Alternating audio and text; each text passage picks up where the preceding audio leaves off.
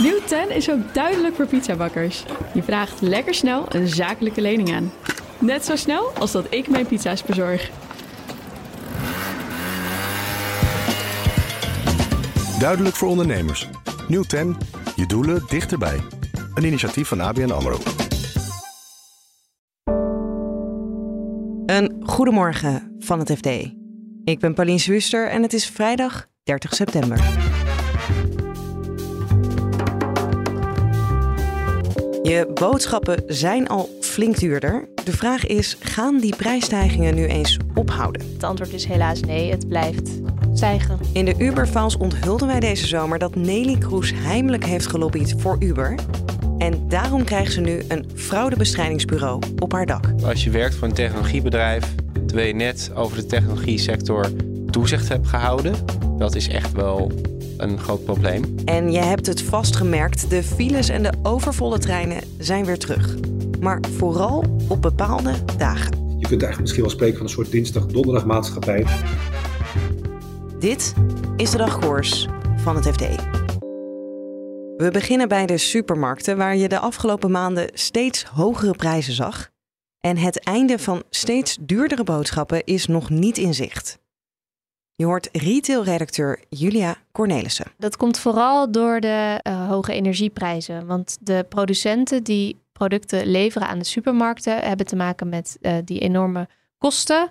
En uh, die leggen zij deels neer bij de supermarkten en die moeten de supermarkten weer deels bij de consumenten neerleggen. Vervoer via containers, dat is dan wel weer, nou, ik wou zeggen goedkoper geworden, maar minder hard in prijs gestegen. Ja, ja, klopt. Dat is een lichtpuntje. De containerprijs en ik geloof ook de graanprijzen zijn wat minder hard gestegen. Dus het kan zijn dat um, producten die van ver komen in zo'n container, dat die wel iets minder snel duurder worden. Ja, maar eigenlijk wordt alles duurder. Ja, dat is toch het plaatje. En we wilden uh, weer eens kijken van uh, houdt het aan, weet je wel? Gaat er verandering in komen voor dit artikel? En het antwoord is helaas nee, het blijft stijgen. Ja, en wat voor soort stijgingspercentage is dat dan? Um, ja, zo'n 11% zijn voedingsmiddelen in prijs gestegen ten opzichte van een jaar eerder. Dus dat is echt best wel flink. Ja, en nou wisten we altijd van supermarkten dat die eens in het jaar een harde onderhandeling met leveranciers kregen. En dan wisten we ongeveer wat de prijzen waren. Daar zijn ze dus nu helemaal van afgestapt. Ja, ja die methode is, is echt helemaal veranderd door, door de situatie waarin we zitten. Um, ze onderhandelden inderdaad zo'n één keer per jaar. En nu zitten ze veel vaker met elkaar om tafel en um, maken ze alleen maar kortlopende afspraken. En de supermarkten eisen ook inzicht in um, de kostenstijgingen waar die producenten mee te maken krijgen, zodat ze weten of uh, de hogere prijzen gerechtvaardigd zijn. Dus dat ze weten waar die vandaan komen in ieder geval. En zodat als die minder hard gaan stijgen, dat ze dat ook doorkrijgen. Ja, maar het klinkt wel alsof de leveranciers iets meer macht hebben gekregen ten opzichte van de supermarkten. Ja, dat klopt denk ik wel. Ja, tenminste, die, zijn, uh, die krijgen met zulke uh, hoge kostenstijgingen te maken dat ze uh, die wel moeten doorgeven, deels. En ik denk dat de supermarkten dat ook meer moeten accepteren. En zien we ook al iets in onze boodschappenmandjes veranderen door deze prijsstijgingen? Ja, ja, nu voor het eerst eigenlijk uh, laten consumenten producten links liggen door die enorme prijsstijgingen. Dus bijvoorbeeld vlees is een product dat mensen uh, minder kopen of ze kopen in plaats van rundvlees bijvoorbeeld varkens of kippenvlees, omdat het goedkoper is. En daarnaast zijn er nog meer veranderingen in het gedrag, zoals uh, mensen gaan vaker naar discounters, naar Aldi en Lidl in plaats van naar Albert Heijn en Jumbo.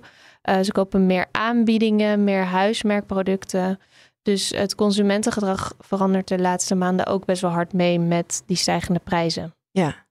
En waar eindigt dat dan? Want als je al eenmaal bij de discount supermarkten huismerken aan het kopen bent en aanbiedingen en geen dure producten meer, dan ja. houdt het ook een beetje op, toch? Ja, ja, dat is ook wat ik voorlegde aan de econoom die ik sprak. Van oké, okay, je gaat naar de discounter, je koopt geen vlees meer uh, what's next? En toen zei hij, nou, ik denk de voedselbank als volgende stap voor mensen die het echt niet meer redden. Dus dat is best wel een uh, triest vooruitzicht.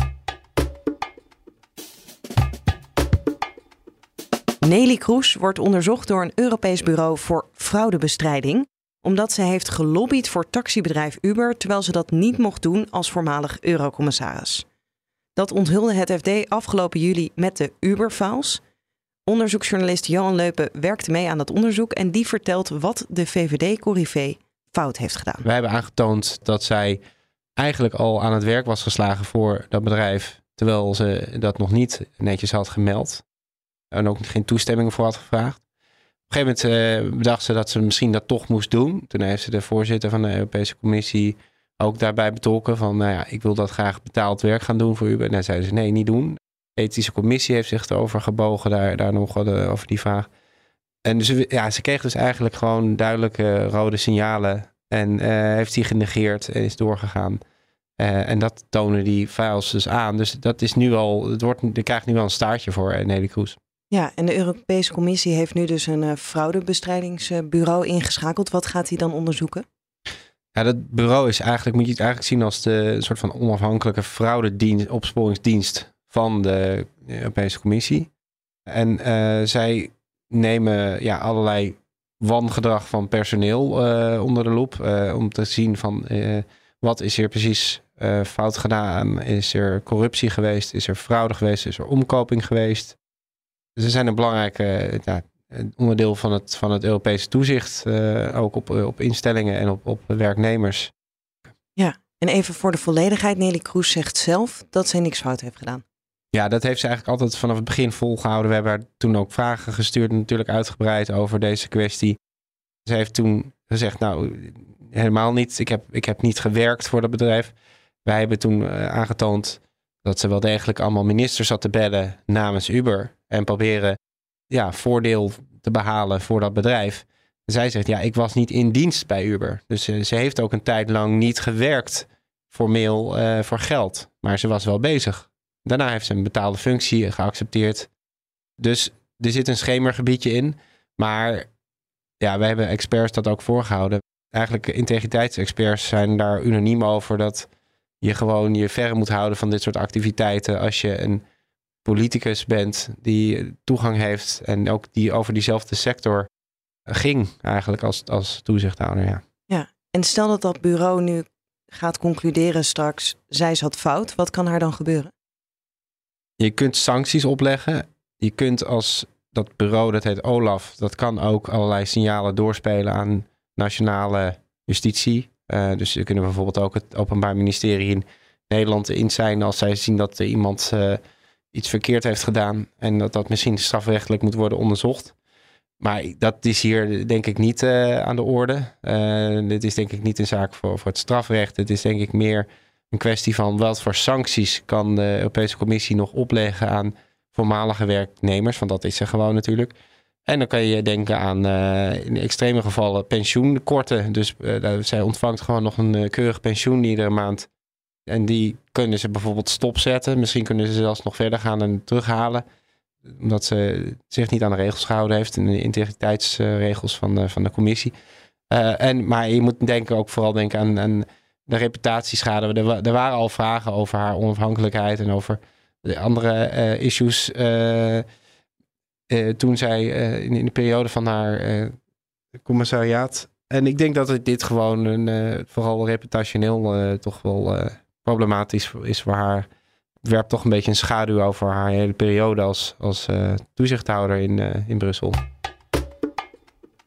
En dan gaan we tot slot naar de file, die ondanks het thuiswerken een comeback maakt. En ook het OV zit overvol. Jan Verbeek is onze redacteur luchtvaart, spoor en post. En hij wilde weten waarom is het weer zo druk op de weg? We hebben daar geen eenduidig antwoord op gevonden. Wat we wel hoorden was dat, er, eh, dat het een mix van factoren is. Je moet dan denken aan de economische groei die we de afgelopen jaren gekend hebben. Um, ook, er is ook sprake van een toename van de autoverkopen. Er zijn de afgelopen twee, drie jaar in coronatijd zijn er iets van drie, ruim 300.000 sorry, 300.000 extra auto's op de weg bijgekomen. Veel tweedehands ook. Um, om de mobiliteit in de wielen te houden, zeg maar. En het belangrijkste misschien nog is dat er veel thuiswerkers uh, toch weer besloten hebben om naar kantoor te gaan. Dat is toch wel een hele belangrijke trend, een hele belangrijke ontwikkeling. Het is vooral die dinsdag en die donderdag, die zijn populair. Ja, wat, wat we zien is dat die dinsdag en die donderdagen de, veruit de drukste dagen zijn. Dat opvallend is, dat zie je niet alleen op de snelweg in de spits, maar dat zie je ook uh, op het uh, spoor. Uh, ik heb ook uitvoerig met de Nederlandse spoorwegen hierover gesproken. En die zeiden ook van ja, Ehm, dat is toch wel een nieuwe realiteit. Hè? De, je kunt eigenlijk misschien wel spreken van een soort dinsdag-donderdagmaatschappij. Dat op die twee dagen dat er veel mensen actief zijn, naar het werk komen, kiezen voor het spoor, kiezen voor de auto. En uh, ja, dat is wel de nieuwe realiteit. En daar moet ook de NS op inspelen door, door bijvoorbeeld, uh, ja, als het kan, extra treinen in te zetten. Maar vooral ook op andere dagen de, de, de verkeers, het aanbod van de treinen wat terug te brengen. Dus de, wat in de dienstregeling te gaan schrappen. Ja, en is dan ook de verwachting dat deze trend door blijft zetten? Dus meer files en dan vooral en drukkere treinen, vooral op dinsdag en donderdag? Ja, ik denk dat die trend doorzet. We hebben met de ANWB gesproken, we hebben met het Kennisinstituut voor Mobiliteit. Ehm, eh, daar hebben we onze informatie opgehaald. Ik heb ook gesproken met een hoogleraar van de TU Delft, Bert van Wee. En eigenlijk zeggen ze alle drie van, ja, deze trend zet door. Het is niet iets wat, uh, wat we nu op dinsdag hebben meegemaakt. Dat was geen incident. Het zal drukker worden in de spits, met name in de ochtend. Uh, en ook de treinen die blijven uh, hoogst bezet. Dus ja, dit is echt een, uh, hier moeten we rekening mee houden. Dit is de nieuwe werkelijkheid. Ja, en werden jou dan ook nog oplossingen geboden om dit een beetje tegen te gaan of draagbaarder te maken? Ja, nou, als het gaat om het terugdringen van de ochtendspits, werd, werd er met name gewezen naar de, de werkgevers. Wat de verkeersexperts ons vertelden was dat, dat er meer gestimuleerd zou moeten worden om thuis te werken. Of in ieder geval dat het beter afgestemd moet worden met wie er naar het werk komt, of naar het kantoor komt, of wie er thuis werkt. En daar, daar ontbreekt het gewoon aan. Er, wordt te weinig gestimuleerd om thuis te werken. Er zijn te weinig vaste afspraken over het thuiswerken. Er wordt ja, er, is, er is een soort schimmig gebied ontstaan, onduidelijk van wanneer kom je nou naar kantoor, wanneer kom je niet. En het wordt eigenlijk aan de werknemers zelf vaak overgelaten. En veel mensen die nieuw in dienst zijn, die denken van ja, ik moet toch wel liefst vijf, vijf dagen in de week naar kantoor komen, want anders sla ik een verkeerd figuur. Nou, die experts die wij gesproken hebben, die zeggen van werkgever, kom nou met beter beleid. Waarom zou je niet gewoon toestaan dat een je werknemers een aantal dagen in de week thuiswerken uh, en dat je daar goede afspraken over maakt. Of als het heel druk is, zeg dat bijvoorbeeld vergaderingen niet om half negen beginnen, maar dat die om tien uur beginnen. Uh, dat soort zaken, daarmee kun je de druk op de, de spits, zowel in, in de trein als op de snelweg, zou je flink kunnen verlichten. Ja, en misschien uh, luisteraars die kunnen dan ook eens op dinsdag en donderdag thuis gaan werken in plaats van dan naar kantoor gaan. Dat helpt misschien ook al een beetje. Dat zou zeker helpen. Ja, ja, ik, ja, je kunt ook zeggen, op een gegeven moment keert de wal het schip wel. Want uh, op, als, als, we, als we elke dinsdag te maken hebben met, met 500 tot 800 of, of 1000 kilometer file, dan zullen mensen zich toch ook wel afvragen van, is het dan wel zo verstandig om dinsdag inderdaad in die auto te stappen en naar, naar mijn kantoor te gaan?